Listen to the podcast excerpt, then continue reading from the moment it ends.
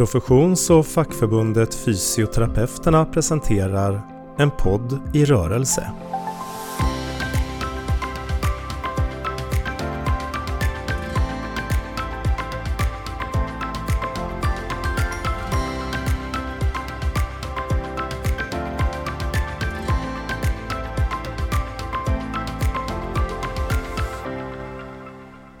Dagens avsnitt av En podd i rörelse så ska vi prata med Linnea Kärdevik eh, och lite grann om elevhälsa. Eh, och mitt namn är Carolina Grell och jag är socialpolitisk strateg här på Fysioterapeuterna.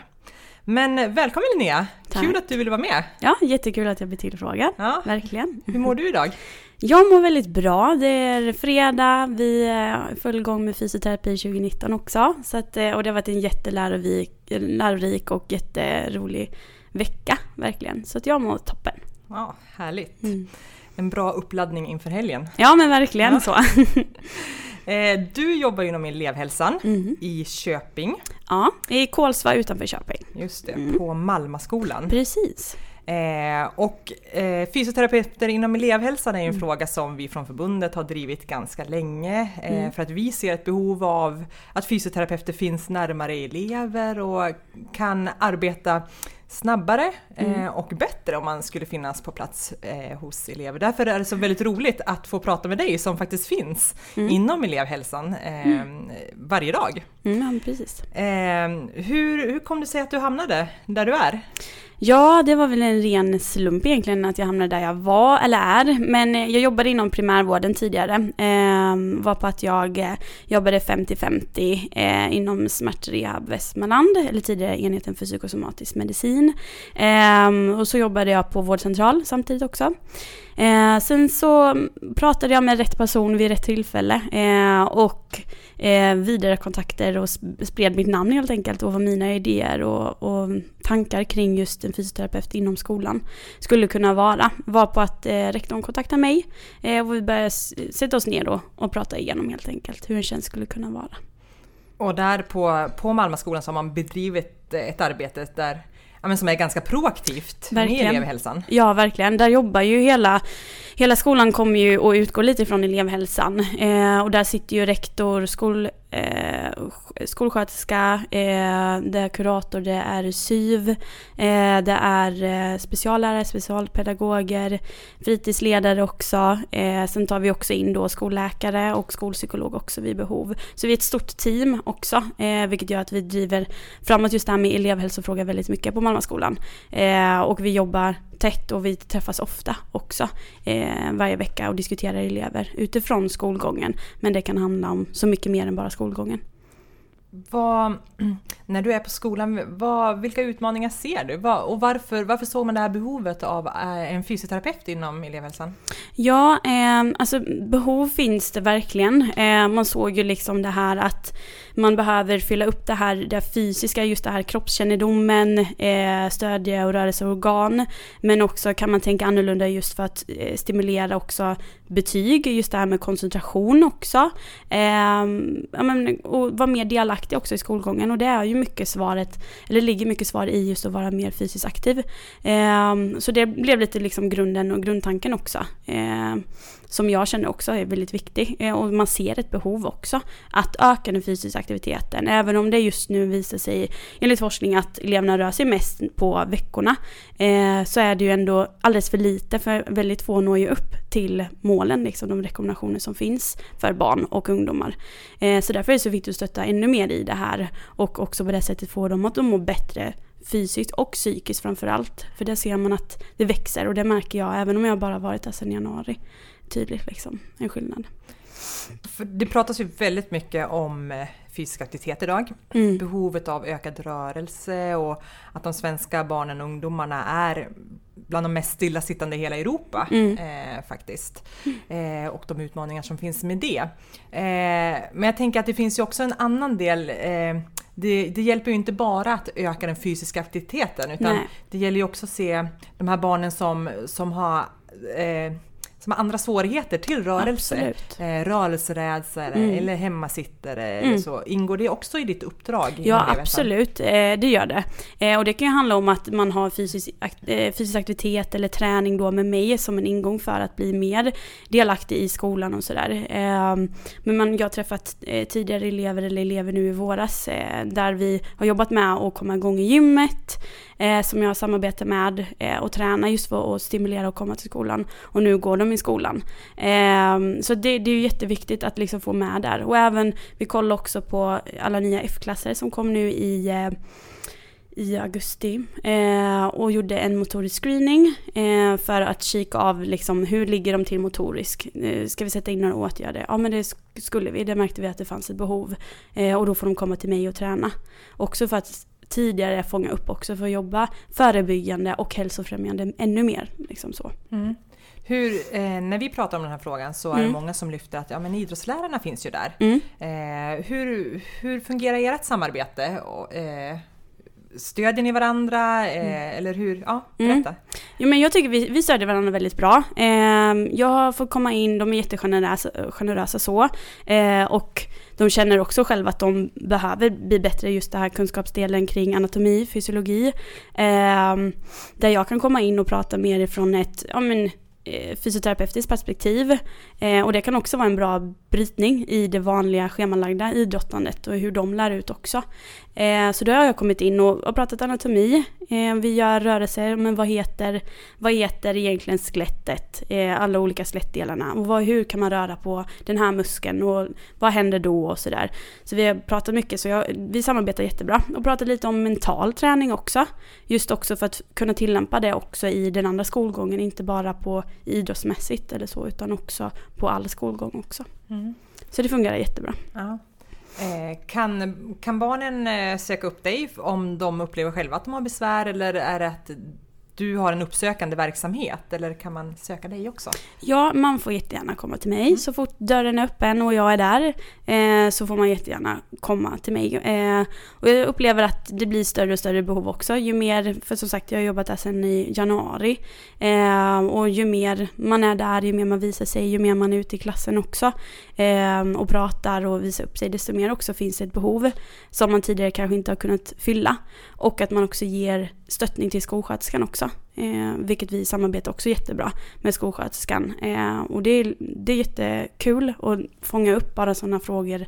Men jag har ont, vad gör jag? Eh, och då kan jag direkt säga, men börja göra lite tåhävningar. Eh, och så kör du på det här nu ett tag så kan vi kolla ordentligt. Liksom så. Det här enkla, eh, som man själv tycker är enkelt, men som inte är en självklarhet. När man inte vet så mycket om sin kropp. Mm. Eh, som jag, som jag hör på dig och som jag uppfattar så har ni ett ganska bra samarbete eh, Mm. i hela elevhälsoteamet. Mm. Det är olika professioner som samarbetar tillsammans Mm. eh, ganska tätt. Ja. Eh, och det funkar bra. Ja, jo Ja. men verkligen. Det kan vara att jag får ett eh, samtal med en elev kring kanske stress och då kan jag ta, då kanske jag kan kartlägga vad den stressen ligger kring för att man kanske söker till mig för nacke eller huvudvärk. Eh, men sen kanske det egentligen bygger sig eller ligger i grund i stress. Ja men då kanske jag kan behöva ta hjälp av SYV för han kan prata mycket kring men vad händer i framtiden? Just det här med stress och press kring betyg. Vad ska jag bli när jag blir stor? Ja men då kan vi liksom komplettera varandra bra också. Så det är inte bara det här skolsköterskan och jag utan det är också de andra professionerna. Eh, också ja, men tips kring koncentration eh, som speciallärarna också kan få ta del utav också. Och vi kan ha mycket, er, eh, ja, mycket att lära varandra också där. Ehm, vi är lite partiska. Mm. Eh, du är fysioterapeut och jag jobbar Mm. för fysioterapeuterna. Ja. Eh, men eh, om man ska vara lite kritisk, behövs verkligen fysioterapeuter inom elevhälsan egentligen? Kan man inte, kan man inte lösa det på, på andra sätt? Eh, och räck, eller räcker det inte med att man har ett mindre team på skolan eh, som i sin tur sen kan, eh, kan remittera eller ja, skicka remiss till primärvården eller till BUP? Om man Mm. ser att behoven är större. Mm, mm. Alltså jag, ja sen är det ju svårt att vara opartisk eller liksom så i den här frågan eftersom att jag driver den framåt väldigt mycket. Men eh, jag ser att det finns ett behov, absolut. Man fyller upp så många luckor genom att man kan så mycket kring just rörelse och stödorgan. Det är ju liksom det vi kan bäst. Och där finns ju ingen profession som kan ställa sig gentemot oss, tycker jag. Eh, och sen så, eh, absolut, man kan ju fundera på hur elevhälsan ska struktureras. Malmaskolan är ju väldigt framåt där med en elevhälsa med väldigt stor, eh, stort team med olika professioner som sitter med. Eh, vilket jag tycker bara är fördelaktigt. Men absolut så kan man väl säkert få till någon organisation där en fysioterapeut kan eh, komma till. Eh, men sen är det också viktigt då att få till det här helhetsperspektivet på eh, elev. För det är ju faktiskt en, en individ som behöver hjälp och då kanske man måste ha hela perspektivet och det är där vi vinner så mycket på. Eh, istället för att man ska leta upp och man ska fråga ut varand, varenda sak liksom så, så får man så mycket gentemot det hela teamet så. En tydligare bild. Precis. Vad, vad har ni sett att de tydligaste vinsterna har varit med att ha det här större elevhälsoteamet på plats? Mm. Eh, alltså vi kan ju snabbare fånga upp vad, vad problemet är, vi kan göra direkta insatser. Eh, fördelen är ju också att rektorn sitter med vid varje elevhälsoteam, vilket gör också att han är ju beslutsfattande också i det här om det är några specifika åtgärder eller åtgärdsprogram som behöver göras. Eh, och också men, lägga ut det på vem som ska strukturera upp det istället för att det blir mejlande hit och dit, utan vi fångar upp och man kan komma som lärare till elevhälsoteamet med bara en oro över en elev. Och då kan det vara en oro över att nu har inte den varit här. Eller nu undrar jag liksom, jag ser att det inte är, det är någonting liksom så. Ja men ska kuratorn eller ska jag ta det eller sådär. Man kan, man kan liksom delge det mycket bättre. Mm. Och det går snabbare också ja. att fånga upp.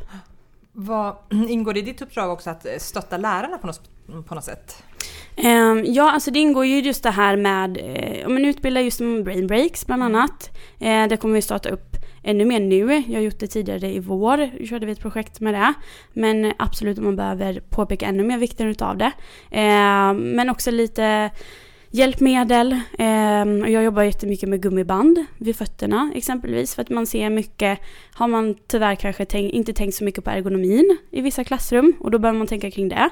Vi pratar mycket kring eh, vi har infört lite som rörelseruta i klass, vissa klassrum. Eh, där man kan faktiskt få röra sig samtidigt som att man lyssnar på läraren eller eh, ska plugga eller sådär. Så att eh, jag sam samarbetar nära med dem också på mm. det sättet och sådär. Och de kan fråga och, eh, och ta hjälp av mig. Mm. Var, varför ska andra skolor anställa fysioterapeuter, tycker du?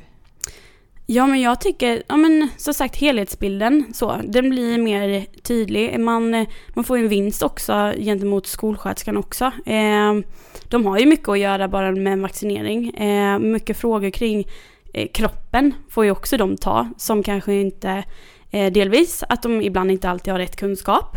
Ehm, eller att de behöver mer kunskap i. Där fyller vi jättestor funktion, just det här kring rörelsestödorgan, för det är ju där vi är bäst på. Eh, sen också liksom att man det är mer ett långsiktigt perspektiv också tycker jag, att man får en vinst. Särskilt om man börjar i de lägre åldrarna också. Att få igång dem mer motoriskt, mer fysiskt. Det har vi ju liksom en sammankoppling när man kollar på motoriken och eh, men hur, hur fungerar man med koncentration och sådär. Eh, det hör ju ihop och ibland måste man veta vad det är vad också. Och så där. så det, det är en stor vinst. Så. Mm. Mm, precis. Eh, om man är intresserad av att anställa en fysioterapeut, hur, mm. hur går man tillväga då? För att idag så finns det ju inte jättemånga fysioterapeuter anställda Nej. inom elevhälsan. Nej. Eh, det minskade ju ganska drastiskt där 2011 när lagen, mm. skollagen ändrades. Eh, så att idag finns det kanske två handfulla eh, mm. fysioterapeuter inom elevhälsan. Mm. Eh, och vi får ju många frågor till förbundet hur man, ja men hur mm. gör man? Mm. Eh, hur, hur ser uppdragsbeskrivningen ut och så? Mm. Vad, vad skulle ditt tips vara? Jo, men mitt tips skulle vara ändå absolut att prata med en skola som driver hälsofrågan framåt. Eh, för rektorn har ju en, en större liksom chans också att påverka, eh, påverka politiker. För det är politiker också som behövs. Att de stå vinsten utav det också. Och varför man ska jobba som fysioterapeut inom elevhälsan. Men att börja liksom nätverka, börja kontakta, eh, absolut om man känner för det, gå på politiker, fråga varför tycker ni inte? Vad motiverar ni varför man inte ska ha en fysioterapeut? Istället för att man ska, man ska motivera varför ska man ha en fysioterapeut? Men vänd på frågan. Varför ska man inte ha det? Um, så ja, börja där liksom och, och nätverka, fråga på. Och så tror jag absolut att det kan bli en, en skjuts i det. Mm. Tror jag. Intressant är det att vända på perspektivet ja. och istället ställa frågan varför ska inte fysioterapeuter finnas ja. här? Det är faktiskt helt sant. Ja. Eh, när man tänk, tänker efter det. Ja, ja men faktiskt. Så. Mm. Vad, hur tror du att elevhälsan har utvecklats om, vi säger tio år? Ja, förhoppningsvis hoppas jag att det finns fler, verkligen, för det behövs. Eh, I och med att också det här med psykiska ohälsan växer eh, och att vi ser det här med digitaliseringen, med skärmar eh, och sådär, att det, liksom, det hör ju ihop, eh, börjar man se mer och mer. Eh, vi blir mer stillasittande och då är det jätteviktigt att vår profession kan komma in tidigt och fånga upp. Eh, så jag hoppas att om tio år att det är fler som jobbar. Sen tror jag kanske att det tar lång tid att göra det till en lagstiftning eller få in, för det är, det är en lång process som ska gå igenom. Det behövs mer eh, forskning kring det eh, och sådär också. Men ja, jag hoppas att det liksom kommit längre än vad det är då. Betydligt längre. Precis. För vi ser ju tydliga hälsovinster ja. av att, att eh, kunna sätta in rätt insatser mm. tidigare. Mm. Mm. Eh, och kunna fånga upp de här barnen och ungdomarna mm. som faktiskt behöver ja. stöttning och hjälp eh, på grund av olika orsaker för ja. att kunna kunna eh, nå en bättre hälsa. Mm. Eh, och idag när man också ser att vi kan förebygga levnadsvanesjukdomar mm. eh, så mycket eh, och både spara eh, pengar och resurser men framförallt eh, mänskligt lidande mm. på det så, så ja, det är verkligen då man ska ställa sig frågan varför ska inte en fysioterapeut mm. finnas inom elevhälsan? Ja, ja men verkligen. Ja. Absolut. Men eh, vi har ju en fråga som vi brukar avsluta varje poddinspelning med. Mm. Eh, och den ska du också få. Ja. Så Linnea, om du var eh, statsminister för en dag, mm.